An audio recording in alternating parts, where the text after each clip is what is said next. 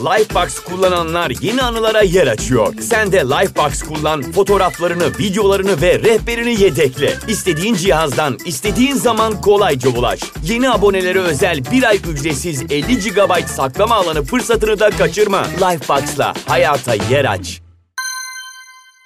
İster öğrenci, ister yetişkin olsun, hayat boyu öğrenmek ve gelişmek isteyenler burada mı? Bazı şeyleri hiç öğrenemeyeceğini, bazı yeteneklerini hiç geliştiremeyeceğini, bunları yapmak için vakti olmadığını düşünenler burada mı? Eğer yanıtlar evetse Genel Sesler Podcast'ine hoş geldiniz. Bu bölümde ana amacım herkese kendi kendini eğitecek bir malzeme çantası hazırlayıp sunmak. Ve bu malzeme çantasındakilerin sizi olabilecek en hızlı ve en etkili şekilde eğitebileceğine emin olmak. Size kendimle ilgili bir gerçeği söylemenin vakti geldi. Hiçbir zaman iyi bir eğitim alacak şansım olmadı. Notlarım ve sınav başarım öğrenme sevgimden ötürü her zaman iyi olmuştur. Ama bunlar benim iyi okullara gitmem ve iyi bir eğitim almam için yeterli değildi. Kısaca hayat bana karşı pek nazik davranmadı. Mesela liseyi açık öğretimden okumak zorunda kaldım. Sonra iyi bir üniversite kazandım ama okulu bitiremedim. Bu hikayeyi derinlerine inerek anlatmaya kalkışsam bir bölümde bu sürer. O yüzden şimdilik bu kadarını ve iyi okullarda, iyi eğitmenlerden eğitim almadığımı bilmeniz yeterli. Fakat buna rağmen ben ve çevremdeki herkes gönül rahatlığıyla size şunu söyleyebilir. Yaşıtım olan ve iyi okullara gitmiş pek çok arkadaşımdan daha fazla şey biliyorum yeteneklerim çok daha gelişmiş vaziyette. Bunun sebebi dahi ya da süper zeki biri olmam asla değil. Hatta itiraf edeyim kafamın basmadığı pek çok şey var. Mesela sayılar ve yol tarifleri gibi. Bana yol tarif etmeye çalışmayın çünkü asla bulamam. Bin kere kaybolurum. 10 kere gittiğim arkadaşımın evini 11.sinde yine arayarak yol tarifi isterim. O derece yani. Ancak benim kendimi okulsuz bir şekilde eğitebilmiş olmamın sebebi öğrenmeyi öğrenmiş olmam. Bütün bu zayıf noktalarıma rağmen kendimi eğitmeyi öğrendim. Daha öncesinde bunun farkında değildim ama. Ne zaman ki öğrenmeyi öğrenmek diye bir şeyin olduğunu fark ettim ve bu konu üzerine yazılan kitapları okuduğum, verilen eğitimleri aldım. İşte o zaman anladım. Ben çok küçük bir yaşımda öğrenmeyi öğrenmişim. Ama insanlar bunu anlayamadıkları için beni hep zeki zannetmişler. Gerçek şu ki Hepimiz iyi okullara gidecek kadar şanslı değiliz. Ama her zaman kendimize o okullardakine benzer bir eğitim verebiliriz. Bu sözlerim size gerçekçi gelmiyor mu? Bana inanmıyor musunuz? O halde bu bölümün ana esin kaynaklarından biri olan Ultra Learning kitabının yazarı Scott Young'a kulak verin. Çünkü kendisi Kanada'da sıradan bir üniversite bitirdikten sonra internetten MIT'nin ücretsiz olarak yayınladığı bilgisayar mühendisliği kurslarını almaya başlamış. Eğer bilmeyenleriniz varsa MIT, matematik, mühendislik, bilim gibi konularda dünyanın en iyi üniversitelerinden biridir. Gerçekten dünyanın en zeki insanları orada okuyor. Aynı zamanda MIT e, okulda verilen derslerin bazı kısımlarını ve bünyesinde verilen eğitimleri online bir şekilde kurs formatında sunuyor. Bayağı matematik eğitimleri, mühendislik eğitimleri, yazılım eğitimleri falan var. Ve bunlar hepsi ücretsiz. Yani şu an siz de bulabilirsiniz. Open Learning diye geçiyor olması gerekiyor. Bir daha bakarım ve umarım unutmazsam açıklamalar kısmına linkini bırakırım bu MIT'nin kurslarının. Eğer matematiğe ilginiz varsa ya da yeni şeyler bu konuda öğrenmek istiyorsanız bakabilirsiniz. Ama tabii ki de çok iyi İngilizceniz olması gerekiyor. Scott Young da kendisini MIT'nin yayınladığı bu kurslardan sık bir program oluşturuyor ve MIT'nin normal örgün eğitimindeki takvimine bakıyor. Öğrencilerine hangi dersleri verdiklerini iyice analiz ediyor ve programını da buna göre düzenliyor. Kullandığı bazı özel yöntemlerle MIT'deki öğrencilerin 4 yılın sonunda girdiği sınava 1 yılda giriyor ve geçmeyi başarıyor. Peki bunu nasıl yaptım? Öğretmeni ve soru sorabileceği kimsesi yokken hem de. Heyecan yok. İlerleyen dakikalarda öğreneceğiz. Umarım böyle şeylere heyecanlanan tek kişi ben değilimdir. Sadece Scott Young değil, Rus edebiyatı okuyup 26 yaşında mühendis olmaya karar veren ve 26 yaşında matematik çalışmaya başlayan Doktor Barbara Oakley'nin de öğrettiklerine kulak vereceğiz. Çünkü 26 yaşında temelden matematik öğrenip mühendis olmuş ve bununla kalmayıp bir de alanında akademisyen olmuş biri kendisi. Bu kadar zor bir şeyi başardıysa eminim bildiği bazı şeyler vardır. Barbara Oakley'nin hikayesi bana da matematik öğrenmek için ilham verdi. Bunu da bölümün ilerleyen kısımlarında anlatacağım. Ama şu introyu bir vereyim de rahatlayayım önce yani içimde kaldı.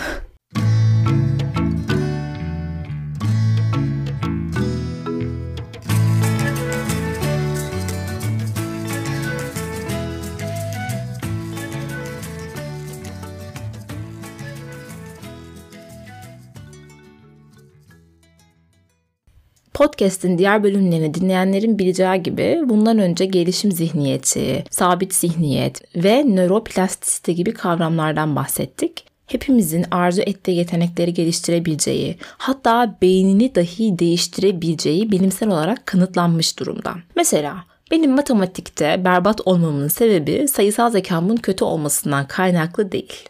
Sadece kendimi o yönde hiç geliştirmemiş olduğum için zorlanıyorum. Ve bu çok doğal bir durum. Peki, eğer bir gün durup dururken matematik öğrenmeye karar versem ne yapmam gerekir? Ya da kod yazmayı öğrenmek, piyano çalmak, İspanyolca öğrenmek istesem. İşte bu bölümde öğrenmek istediğimiz yeni şeyler için bir harita sunacağım. Bölümün içinde çok fazla bilgi olacağı için aklınızda tutmakta zorlanabilirsiniz. Not almak işe yarayabilir. Çünkü bir tanesini dahi uygulasanız büyük ilerleme kaydedersiniz. Bir de ufak bir uyarıda bulunayım. Herkesin öğrenmesi kendine özeldir. Bu yöntemleri uygulamaya karar verirseniz önce kendinizde işe yarayıp yaramadığına bir bakın ve hangileri size uyuyorsa onları alın. Bırakın yöntemler size uysun, siz kendinizi onlara zorla uydurmaya çalışmayın. Evet şu sıralar her bölüm yapmaya başladığım kamu spotu kısmı da bittiğine göre size bu seri için hangi kaynaklardan faydalandığımı söylemek istiyorum. Birincisi bahsettiğim Scott Young isimli yazarın Ultra Learning kitabı. Bu kitap maalesef Türkçe'ye çevrilmemiş. Ben İngilizcesinden okudum. Türkçe'ye süper öğrenme diye çevirebiliriz sanırım. Yani ben öyle çevirdim adını. Bu kitapta yazar istediğimiz herhangi bir şeyi öğrenmenin en hızlı ve en etkili yöntemlerini anlatıyor. Yani bir şeyi en süper şekilde nasıl öğreniriz aslında bunu öğretiyor. Bunları 9 prensip altında toplamış kendisi. Fakat ben birazdan bahsedeceğim diğer kaynaklarda öğrendiklerimi de harmanlayıp bunları 7 prensibe indirgedim. Bu bölümde size 7 prensip altında anlatacağım. Aynı zamanda bu prensiplerden bir Instagram postu da hazırlayacağım. Eğer bu bölümde anlattıklarımı not almakta zorlanırsanız Instagram'da @genelsesler podcast hesabından o posta ulaşabilirsiniz, kaydedebilirsiniz ya da işte istediğiniz zaman girip bakabilirsiniz bir nevi sizin yerinize not tutmuş gibi olacağım yani. İkinci kaynağımız Peter Brown tarafından yazılan Make It Stick isimli kitap. Bu kitap da harika. Hatta bu kitapta yazılanlarla ilgili bir başka bölüm dahi yapabiliriz. Belki sonrasında. Üçüncü kaynağım Coursera üzerinden Barbara Oakley tarafından verilen Learning How to Learn isimli kurs. Bu online kurs benim için çok faydalı oldu. 4 haftalık bir kurs, ücretsiz. Coursera üzerinden girip siz de alabilirsiniz. Yine orada öğrendiğim şeylerden bahsedeceğim. Bir de son olarak Barbara Oakley'nin TED konuşması. Eğer 4 haftalık bir kurs size uzun geliyorsa Barbara Oakley'nin TED konuşmasını dinleyerek bayağı bir şeyler öğrenebilirsiniz. Unutmazsam bunu da linkleyeceğim. İnşallah unutmam. Çünkü her seferinde böyle söylüyorum. Sonrasında unutuyorum. Bana mesaj atıyorsunuz. Diyorsunuz ki hani nerede? Sonra tek tek size onları gönderiyorum. Fakat inadına açıklamalar kısmına koymuyorum yine. Çünkü kendimle ilgili bir zorum var. Bu sefer unutmayacağım. Hatta durun şu an not alıyorum unutmamak için. Bir dakika. Evet, notumu aldım. Kaynaklarımız bunlar. Daha fazla uzatmadan hemen birinci prensiple başlıyorum. İlk prensibimiz öğrenmeyi öğrenmek. Eğer neyi nasıl öğreneceğimizi bilmiyorsak daha en başta kaybederiz. Dediğim gibi herkesin öğrenme şekli kendine has olabilir ya da öğreneceği şeye göre uyarlanabilir. Mesela bir örnek verelim. Ultra Learning kitabının yazarı bir arkadaşıyla birlikte bir senede dört dil öğrenmeye karar veriyor. Bu oldukça zor ve büyük bir hedef. Bu nedenle kendilerine bunu uygun bir harita çıkartıyorlar. Dört dil öğrenmek istedikleri bu yıla A Year Without English ismini veriyorlar. Yani bir yıl boyunca asla İngilizce konuşmayacaklar demek bu. Öğrenmek istedikleri dillerin konuşulduğu ülkelere gidiyorlar ve her birinde 3 ay kalıyorlar. tabii ki de asla İngilizce konuşmuyorlar. Hatta o ülkelere ilk gittiklerinde dillerine dair tek bir kelime dahi bilmedikleri halde hiçbir şekilde İngilizce iletişimde bulunmuyorlar el kol hareketleriyle kendilerini ifade etmeye çalışıyorlar. Sonrasında tabii ki de yavaş yavaş öğreniyorlar. Bir yılın sonunda içinde Çince, Korece, Portekizce ve İspanyolcanın olduğu dört dili akıcı olarak konuşacak kadar ilerleme kaydediyorlar. Gerçekten düşünebiliyor musunuz? Yani Çince ve Korece dünyadaki en zor diller arasındadır. Çünkü e, alfabeleri bile bizden çok farklı. Fakat bir yıl içerisinde bu dört dili öğrenebiliyorlar. Bunu yapabilmelerinin altında yatan en temel sebeplerden biri aslında doğru öğrenme yöntemini kullanmış olmaları. Onların amacı bu dört dili konuşabilmekti. Yani bu dört dilin içerisindeki gramer kurallarını öğrenmek, bu dillerle düzgün yazılar yazabilmek değildi. Konuşabilmek adına yapabilecekleri en iyi şey ise gidip bu dili konuşmaktı. O yüzden böyle bir yöntem izleyerek başarıya ulaştılar. Belki bu örnek birazcık ekstrem gelmiş olabilir ama motive edici olduğunu düşünüyorum. Yani en azından benim için öyle. Peki nasıl çıkaracağız bu öğrenme haritasını? Öğrenmeyi öğrenerek tabii ki. Beynimiz nasıl öğrenir ve öğrenmemizin önünde ne gibi engeller vardır bunları tanımak zorundayız. Yeni bir şeyi öğrenmek istediğimizde ister istemez direnç gösteriyoruz. Mesela kendi kendimize şöyle diyebiliriz. Vaktim yok. Neden bu yeni şeyleri öğrenmek için vakit harcayayım ki? Benim zaten bir işim var. Yeterince şey biliyorum. Bunların içinde en yaygın olanı vaktim yok bahanesi bence. Bu zaman yönetimi ve vakitsizlik konuları üzerine başka bir bölüm yapacağım. Ama şunu aklınızda tutmanızı istiyorum.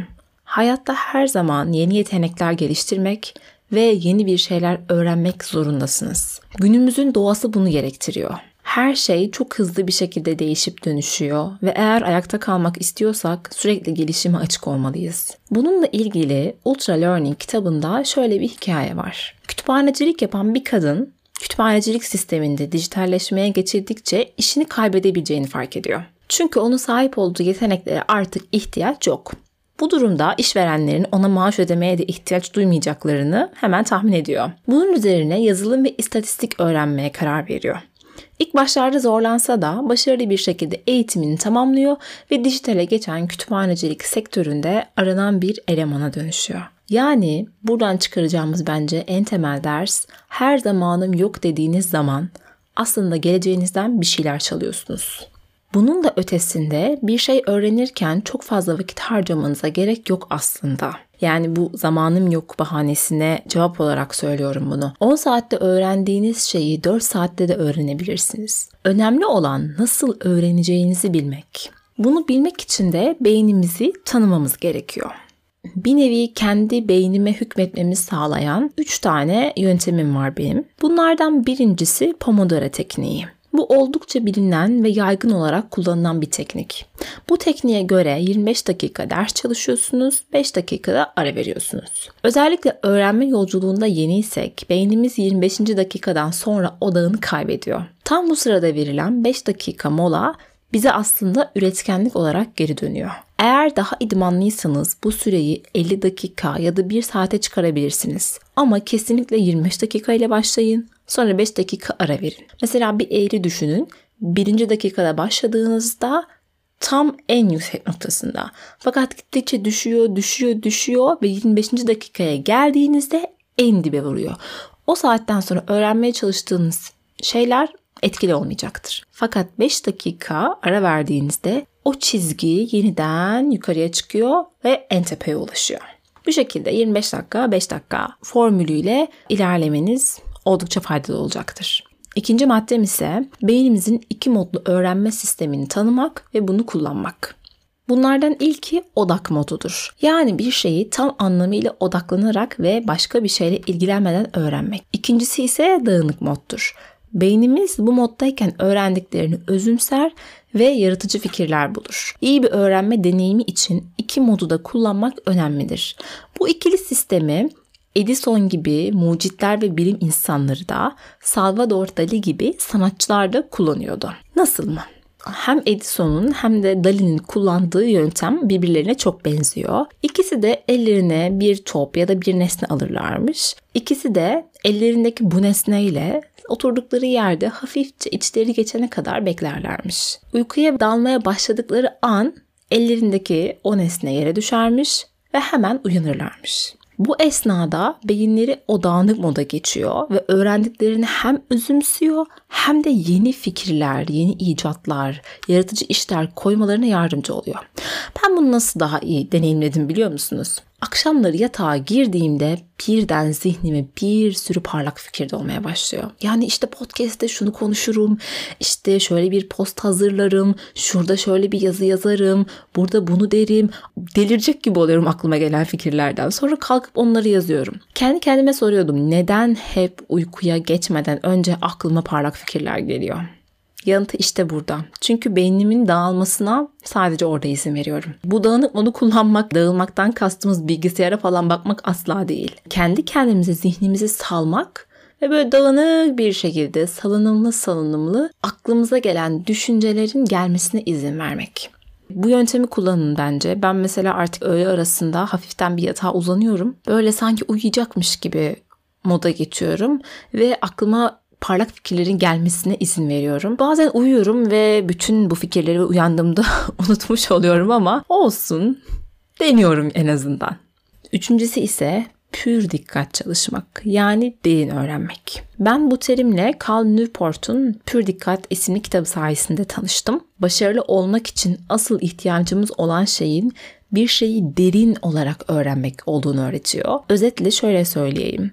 Bütün dikkat dağıtıcılardan uzaklaştığımız, tam anlamıyla çalıştığımız şeye odaklandığımız zaman aslında pür dikkat çalışmış oluyoruz. Bu bahsettiğim beynimizi odak modunda kullanmak da aslında pür dikkat çalışarak geliyor. O zaman en yüksek performans elde etmiş oluyoruz yaptığımız işte. Pür dikkat çalışmayı günde en fazla 4 saat yapabileceğimizi söylüyor Cal Newport. Bence başlangıçta 4 saat çok fazla. Ben mesela şu an gün içerisinde maksimum 2 saat böyle çalışabiliyorum. Yani her şeyi unuttuğum, akışa girdiğim ve işte tamamen odaklandığım o pür dikkat çalışma anlarımı çok fazla uzun tutamıyorum. Çünkü hiç beyni yoran yorucu bir aktivite fakat elde ettiğiniz şey çok fazla oluyor. Bu şekilde kendinize odaklanabileceğiniz zamanlar ayırmak da gün içerisinde öğrenmeyi öğrenmek için önemli bir adım.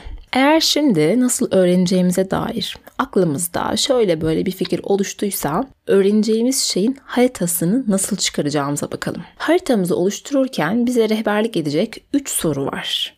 Neden, ne ve nasıl? Diyelim ki aynı Ultra Learning kitabının yazarı gibi yazılım öğrenmeye karar verdiniz. Ama neden öğrenmek istediğinizi tanımlayabiliyor musunuz? Bu öğrenimden duygusal veya maddesel olarak ne kazanacaksınız? Hayatınızı ne yönde etkileyecek? Eğer bu soruları verecek tatmin edici yanıtlarınız varsa harika. Ama hemen acele etmeyin. Bir de konunun uzmanlarına danışmayı deneyin. Bu işi uzun zamandır yapan kimseler sizin görmediğiniz pek çok şeyi aslında önceden deneyimlemiş oluyorlar.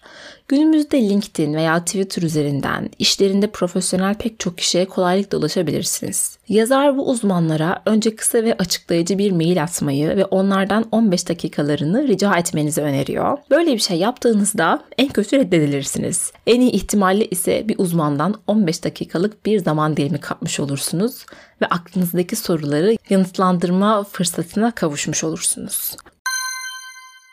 Lifebox kullananlar yeni anılara yer açıyor. Sen de Lifebox kullan, fotoğraflarını, videolarını ve rehberini yedekle. İstediğin cihazdan, istediğin zaman kolayca ulaş. Yeni abonelere özel bir ay ücretsiz 50 GB saklama alanı fırsatını da kaçırma. Lifebox'la hayata yer aç. Eğer neden sorusunu yanıtladıysak sıra ne öğreneceğimizi belirlemekte. Yazılım öğrenmek istiyorum genel bir kavram tam olarak ne öğrenmem gerektiğini bana anlatmıyor. Mesela hangi yazılım dillerini öğrenmem gerek? Ezberlemem gereken semboller var mı? Uygulamalı olarak hangi kısımları çalışmalıyım gibi sorular sormalıyız. Ve bu soruların yanıtlarını baz alarak haritamızı oluşturmaya devam edeceğiz. Üçüncü adımda ise öğreneceğimiz şeyi nasıl bulmamız gerekiyor. Eğer okullarda öğretilen bir şeyse okulların öğrenme takvimlerine veya ders kitaplarına bakabiliriz. Ya da önceden konuştuğumuz insanların bize verdikleri tavsiyeler üzerinden kendimize bir takvim veya proje çıkartabiliriz. Eğer takvimimizi oluşturduysak. bu soruların yanıtlarını verdiysek öğrenme haritamız hazır demektir. Tebrikler. Şimdi diğer maddelere geçebiliriz. İkinci prensibimiz baltayı bilemek. Yani öğrenme yolculuğumuzda bizi engelleyecek şeyleri önceden tahmin etmek ve ona göre kendimizi dizayn etmek. James Clear Atomik Alışkanlıklar isimli kitabında çalışmak abartılıyor, önemli olan ortamdır diyordu. Ne demek şimdi bu? Şöyle ki, eğer siz yoğun olarak isteyen bir işi kafede ya da gürültülü bir ortamda yapmaya çalışırsanız yüksek ihtimal onu yapamazsınız. Burada önemli nokta kendinizi tanımak. Mesela ben şu sıralar matematik çalışıyorum ve bunu en iyi kütüphane ortamında çalışabilirken yazı yazmak gibi yaratıcı işleri arkadan böyle hafif hafif insan ve müzik sesinin geldiği sakin kafelerde daha iyi yapıyorum. Bu herkes için tabii değişkenlik gösterir. Ama değişmeyecek bir şey var. Bence bu çok önemli. Bir şeyi bir yerde yapın. Yani masanızda hem yemek yiyip hem ders çalışıp hem de dizi izlemeyin. Beyninizi bir yerde bir şey yapmaya programlarsanız o yere oturduğunuz an otomatik olarak işinize başlarsınız. Öteki türlü dikkat dağınıklığıyla baş etmek zorunda kalabilirsiniz. Özetle beyninizin bağlamlar kurma gücünü kendi lehinize kullanın. Benim gibi eğer dikkat dağınıklığı sorunlarınız varsa bu bağlam oluşturmak özellikle çok etkili oluyor. Eğer bu çevrenizle ilgili bağlamlar oluşturma kısmına yeterince vakit ayırdıysanız sonrasında da zihin dağıtıcılarınıza bir bakın. Telefon, oyunlar, sosyal medya aklınıza ne gelirse zihin dağıtıcılar kategorisine girer. Çalışmaya başlamadan önce bunlardan da kesinlikle ayrılın. Bunu diğer bölümlerde de çok fazla söylemişimdir. Özellikle Hayat Neye Dikkat Ettiğimizdir isimli bölümde bayağı bir dikkat üzerine konuşmuştuk küçük küçük düzenlemelerle aslında baltanızı bilemiş ve kendinize büyük çalışma fırsatları oluşturmuş oluyorsunuz. Yani bir Instagram'ı kapatmak küçük bir eylem fakat onu kapatmakla elde edeceğiniz vakit, dikkatinizdeki keskinlik, ilerleme hızınız bunlar çok büyük şeyler olacak. Kesinlikle es geçmeyin. Üçüncü prensibimiz ise doğrudanlık. İngilizcesi bunun directness Türkçe'ye en yakın böyle çevirdim. Bu öğrenmek istediğiniz şeyle direkt bağlantıda olmak demek. Bunu hemen bir örnekle açıklamak istiyorum. Diyelim ki yüzme öğrenmek istiyorsunuz ve bir yüzme kursuna katıldınız. Hoca size nasıl kulaç atmanız, bacaklarınızı nasıl kullanmanız gerektiğini anlatıyor. Hatta bununla ilgili kitaplar bile okutuyor. Yüzmeyi öğrenebilir misiniz? Hayır. Ne zaman suya girer ve uygulamalı çalışmaya başlarsanız yüzmeyi o zaman öğrenebilirsiniz. Eğer hızlı ve etkili bir öğrenme arzu ediyorsanız aynı suya dalar gibi öğrenmek istediğiniz şeyin içine dalmalısınız. Ben hayatımda bizzat bu prensibin faydasını şöyle gözlemledim. İngilizce öğrenmeye karar verdiğimde 20 yaşındaydım ve İngilizce sayıları dahi hatırlamıyordum. İngilizce öğrendiğim yerde Türkiye'de bu eğitimi en iyi veren okullardan biriydi ve buna göre oldukça sıkı bir programları vardı. Sınıftaki kişilerin çoğu iyi okullarda okumuş ve önceden İngilizceye az buçuk hakim kimselerdi. İngilizce öğretmenim ilk gün öğle arasından sonra "How was your lunch?" diye bana sorduğunda soruyu anlayamadığımı dün gibi hatırlıyorum bu kadar kolay bir şey dahi anlayamıyordum. Bu nedenle sınıfımdaki çoğu kimsenin dalga konusu olmuştum. Bir de yetmezmiş gibi bütün dersleri hocalar İngilizce anlatıyordu. Yani bildiğiniz iki hafta ağlayarak gidip geldim.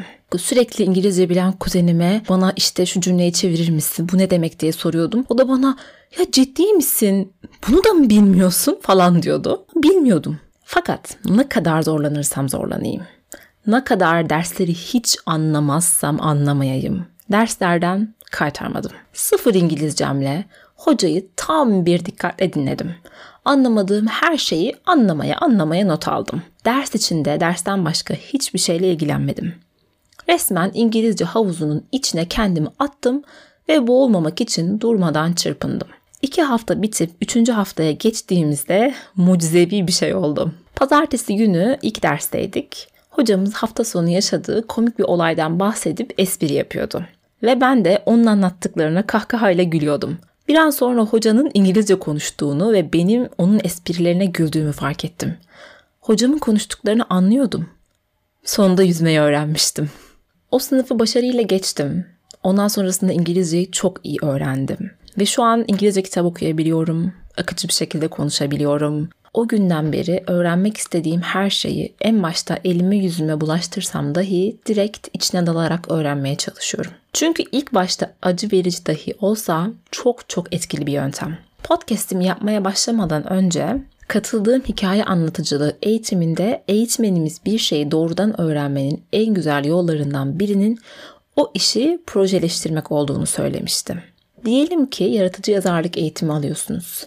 Aldığınız bu eğitimi özümsemenin en iyi yolu nedir? Mesela bir roman ya da öykü kitabı yazmak. Kitap yazmak sizin projeniz olmuş olur. İlla yayınlanması gerekli değil. Önemli olan sizin aldığınız eğitimi uygulamaya dökmeniz. Yani eğitiminizle doğrudan içli dışlı olmanız. Unutmayın teori hep teoride kalır. Size matematik çalıştığımı söylemiştim. Matematikle ilgili e, şimdilik hedefim üniversite sınavına girmek. Bu şekilde gireceğim sınavı düşünüp motive oluyorum ve devam ediyorum. Fakat sonrasındaki projem ise yapay zeka algoritmaları öğrenmek olabilir. Neden olmasın? Henüz tam kesin karar vermedim buna. Böyle projelere sahip olmak benim için öğretici ve zorlayıcı oluyor. Ayrıca hayattan keyfi en çok böyle alakamın dahi olmadığı ve kesinlikle beni zorlayacak şeyleri öğrenirken alıyorum. Çevremdeki insanlar aklına böyle fikirler nereden geliyor? Şimdi sen bunu nereden düşündün? Gibi yorumlarda bana sık sık bulunuyorlar. Ama zihnimin sağlam ve uyanık kalması için böyle meydan okumalara ihtiyacım var. Ve bence sadece benim değil, hepimizin ihtiyacı var. Böyle geliştirdiğim projelerim sayesinde kendime o kadar çok şey kattım ki o esnada her ne kadar işe yaramazmış, gereksizmiş gibi görünse de şu an çok fazla işime yarıyor. Vaktimi boşa harcadığımı söylediklerinde vazgeçmeden yaptığım her şey bugün altın değerinde. Hiç aklıma gelmeyen yerlerde işime yarıyor. Hiç aklıma gelmeyen yerlerde beni bir adım öne çıkarıyor. Yeni şeyler öğrenmek için sizi daha nasıl motive edebilirim bilmiyorum. Gerçekten dolu dolu bir hayat yaşamak için ve hayallerinize kavuşmak için ihtiyacınız olan tek gerçek yetenek bu. Öğrenmeyi bilmek. Neyse daha fazla uzatmayayım burayı. Dördüncü ve beşinci prensibe geçiyorum. Bu iki prensibi birleştirerek anlatacağım. Zayıf noktaları alıştırma yaparak güçlendirmek ve tekrar etmek. Genellikle hangi konuda zorluk çekiyorsak ondan kaçmak gibi bir eğilimimiz var. Konfor alanımızın dışına çıkmak her zaman korkutucu. YouTube'da takip ettiğim Ali Abdal isimli bir YouTuber var. Kendisi bir yandan YouTube yaparken diğer yandan da Cambridge Üniversitesi Tıp Fakültesini birincilikle bitirmiş. Kanalında etkili ders çalışma yöntemlerinden çok fazla bahsediyor. Kendisinin en sık tekrarladığı şeylerden biri de zayıf noktalara alıştırma yaparak odaklanmak. Diyelim ki öğrenmeye çalıştığınız şeyde hangi noktanın zayıf olduğunu biliyorsunuz. Bunu güçlendirmek için nasıl alıştırmalar yapacağınızı ama bilmiyorsunuz. Ben sizinle kendi kullandığım yöntemleri paylaşacağım yine. Birincisi öğrendiğiniz şeyi kitaptan, bilgisayardan veya öğretmenden her nereden öğreniyorsanız öğrenin özet çıkarmak. Tabii ki de bakmadan. Aklınızda kalanları yazmak size aslında ne kadar öğrendiğinizi gösterirken bir yandan da zayıf olduğunuz noktaları hatırlamanızı kolaylaştıracak. Ben bu yöntemi artık kitap okurken de uyguluyorum. Yılda neredeyse 150 kitap okuyan biriyim ama iş okuduklarımı hatırlamaya gelince çok zorlanıyorum. Özet çıkarmak her ne kadar vaktimi alsa da uzun vadede okuduklarımı akılda kalıcı yapan bir yöntem. Aynı şekilde bu öğrenmeye çalıştığım şeyler için de geçerli. İkincisi kartlar hazırlamak. Bu çok klasik bir şey ama işe yarıyor. Zayıf olduğunuz konularla ilgili soruları kartlara yazın ve bir kavanoza atın. Ara ara çekip bu soruları yanıtlayın. Ne kadar işe yaradığına şaşırabilirsiniz. Son yöntem ise soru şeklinde not tutmak. Eğer daha öncesinde duymadıysanız bu biraz garip gelebilir. Diyelim ki tarih dersindesiniz. İstanbul'un fethi 1453 yılında gerçekleşmiştir diye değil de İstanbul ne zaman fethedildi diye not tutarsanız bu yöntemi uygulamış olursunuz. Bu çok saçma gelebilir ama çalışmak için her tekrar yaptığınızda defterinizde bu soruları yanıtladığınızı bir düşünün. Sonrasında unutmanız pek mümkün olmayabilir. Bu son madde benim en zorlandığım ama en iyi yöntemim. Bu uygulamaları bir kere yapmanız çok fazla işe yaramayacaktır. Aralıklı tekrarla yapmanız gerekiyor. Tekrar etmediğiniz her şey unutulmaya mahkum. Merak etmeyin sonsuza kadar tekrar etmenize gerek yok. Mesela ben ertesi gün 3 gün sonra, bir hafta ve en sonunda bir ay sonra tekrar faydalı buluyorum. Ama bunu 6 ay sonra tekrar eden hatta bir yıl sonra tekrar edenler de var ama onu yapamıyorum gerçekten. Siz kendinize uyan tekrar rutinleri oluşturabilirsiniz. Bu şekilde zayıf olduğunuz noktaları alıştırma yaparak ve tekrarla güçlendirmek zayıf bir noktanızın kalmamasını sağlayacak ve bu yeni bir şey öğrenirken özellikle benim burada bahsettiğim gibi kendi kendinize öğrenirken önem vermeniz gereken bir kısım. Evet gelelim 6. prensibe. Geri bildirim almak. Burada dikkatli olmamız gereken bir şey var.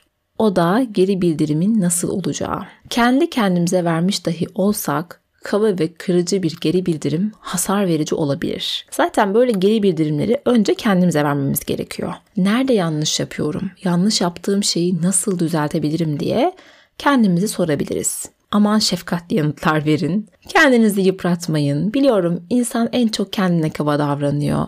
İç sesi ona yaptığı yanlışlarda hep bir eziyet ediyor. Ama şefkatli geri bildirimler vermeyi öğrendiğimiz zaman dışarıdan gelen kaba sözler çok zarar vermemeye başlayacak. Çünkü neyi yanlış, neyi doğru yaptığımız üzerine mantıklı bir yargımız oluşacak ve ileriye doğru düzgün adımlar atabileceğiz.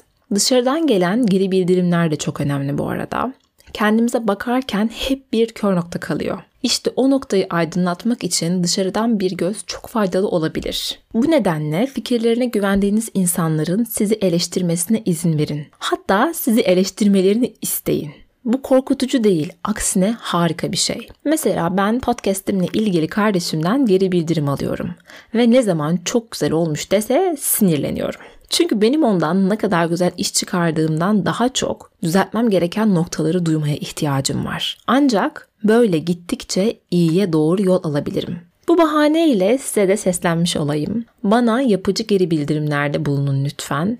Mesela bundan önceki bölümlerde sanırsam kelimesini kullanıyormuşum. Bir dinleyicim ve bir arkadaşım Türkçe'de sanırsam diye bir kelime olmadığını, doğrusunun sanırım olduğunu bana kibarca hatırlattı. O kadar mutlu oldum ki bilmediğim bir şeydi ve artık doğru şekilde söylüyorum. Doğrusunu biliyorum. Öğrenme ve büyüme yolculuğunda size böyle geri bildirimler verecek olan insanları kendinize yakın tutun. Bu arada bana böyle geri bildirim olarak çok güzel yorumlar da geliyor. Çok teşekkür ediyorum hepinize. Ee, yazdığınız her şey çok kıymetli. Ama dediğim gibi eğer gözünüze takılan şöyle olsa daha iyi olur dediğiniz bir şeyi de fark ederseniz bana yazmaktan çekinmeyin. Gelişmek böyle gerçekleşiyor. Yedinci ve son prensibimiz ise zorluklardan kaçmamak ve öğrendiklerimizi deneyimlemek. Öğrenme yolculuğumuzda bazen kendimizden şüpheye düşebiliriz. Hiç anlamadığımız problemlerle karşılaşabiliriz. Bu normal. Eğer tam böyle vazgeçeceğiniz düşündüğünüz bir zorlanma anındaysanız bu demek ki bu noktayı geçtiğinizde ve ilerlediğinizde başarı size göz kırpacak. Bir söz vardı. Gecenin en karanlık vakti güneş doğmadan önceki zamandır diye. Bence de öyle. Hayatımızın en karanlık zamanları en iyi şeyler olmadan önceki zamanlar oluyor ve öğrenme yolculuğumuzda da en zorlandığımız ve en vazgeçmeye yakın hissettiğimiz vakitler o şeyi öğrenmemize bir adım kala gerçekleşiyor. O yüzden vazgeçmeyin ve zorluklardan kaçmayın. Öğrendiklerinizi deneyimlemek ise şu şekilde mesela projeleştirmekten bahsettik ama bu projeleştirme olayı daha çok kendi çapımızda kendi kendimize yaptığımız bir şeydi. Fakat burada yani son maddemizde artık bunu hayatımıza ya da işimize entegre ediyoruz.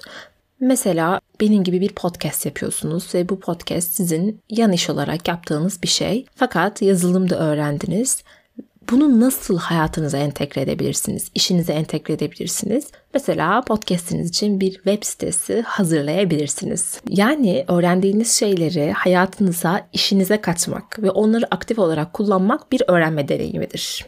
Her ne öğreniyorsanız hayatınızda ondan aktif bir şekilde faydalanıyorsunuz demektir. Bir diğeri ise bu deneyimleme yönteminin Feynman tekniğini kullanmak. Richard Feynman ünlü bir fizikçi ve şöyle söylüyor. Eğer bildiğiniz şeyi 6 yaşındaki bir çocuğun anlayabileceği şekilde anlatamıyorsanız aslında onu bilmiyorsunuz. E, diyelim ki işinize ya da hayatınıza katamadığınız bir şey. O halde bunu öğretmeyi deneyin. Hem de oldukça basit bir dille. Benim bu konuyla ilgili takip ettiğim insanlardan birisi Barış Özcan. Onun kanalında çok zor konulardan bahsettiğini görebilirsiniz. Her videosunda değil bazı videolarında. Mesela karanlık maddeden bahsettiği bir videosu vardı. O kadar kolay anlatıyor ki yani bugün 10 yaşındaki bir çocuk dahi bunu anlayabilir. Ama bakıldığında fiziğin en zor konularından biri. İşte bu şekilde öğrendiğiniz şeyi en basite indirgeyerek anlatma pratiği yaparsanız da aslında onu deneyimlemiş ve aynı zamanda başkalarına da öğretme fırsatı yakalamış olacaksınız. Bu da öğrenmeyi deneyimlemenin en son hallerinden biri. 7 prensibimizin sonuna geldik. Elimden geldiğince kendi kullandığım yöntemleri, faydasını gördüğüm şeyleri sizlerle paylaştım. Bir de eklemek istiyorum alakası olacak biraz ama bölümü çekerken kendime maça çayı yaptım. Böyle konuşurken boğazım çünkü çok kuruyor. Ben de her zaman bir fincan çay bulunduruyorum yanımda. Fakat evdeki çaylarım bitmiş. Böyle tarihlik bir maça tozu vardı aldığımız kardeşimle içmek için ve asla içmediğimiz onu yaptım. Gerçekten korkunçtu. Bölüm esnasında sesim takılmasın ve çatallaşmasın diye içmeye devam ettim. Buradan çıkaracağınız sonuç sizi seviyorum. ee, sizi maça çayı içerek podcast çekecek kadar seviyorum. Bu kadar acı dolu bir çekim oldu. Ama bu bölümü e, hem eğlenerek hem de biraz zorlanarak hazırladım. Maddeleri toparlamak, harmanlamak zorlayıcı oldu. Umarım anlatabilmişimdir basitçe ve umarım siz de buradaki maddelerden, prensiplerden fayda görürsünüz. Hayat boyu öğrenmeye hevesiniz artar. Hiçbir şey için geç kalmadınız. Böyle klişe bir ekleme daha yapayım. Ne öğrenmek istiyorsanız öğrenebilirsiniz gerçekten. Burada anlattığım prensipleri tek tek uygulamak e, harika bir başlangıç olabilir. Daha fazla ekstradan bir sorunuz olursa bana yazabilirsiniz. Elimden geldiğince dönüş yapmaya çalışıyorum. Sizinle iletişim kurmak da hoşuma gidiyor. Genel Sesler Podcast'inin bir bölümünün daha sonuna geldik. Ben de sanırım hayatım boyunca bu bölümü geri dönüp dönüp dinleyeceğim. Çünkü hayat boyu yapacağıma emin olduğum tek bir şey var. O da öğrenmeye devam etmek. Her zaman yeniliklere açık olmak. Bu podcast'in değerlerinden biri de yeniliklere açık olmak. Bunun da en iyi yolu öğrenmeyi sevmek. O halde size veda ediyorum. Kendinize iyi bakın. Öğrenme sevgisiyle kalın.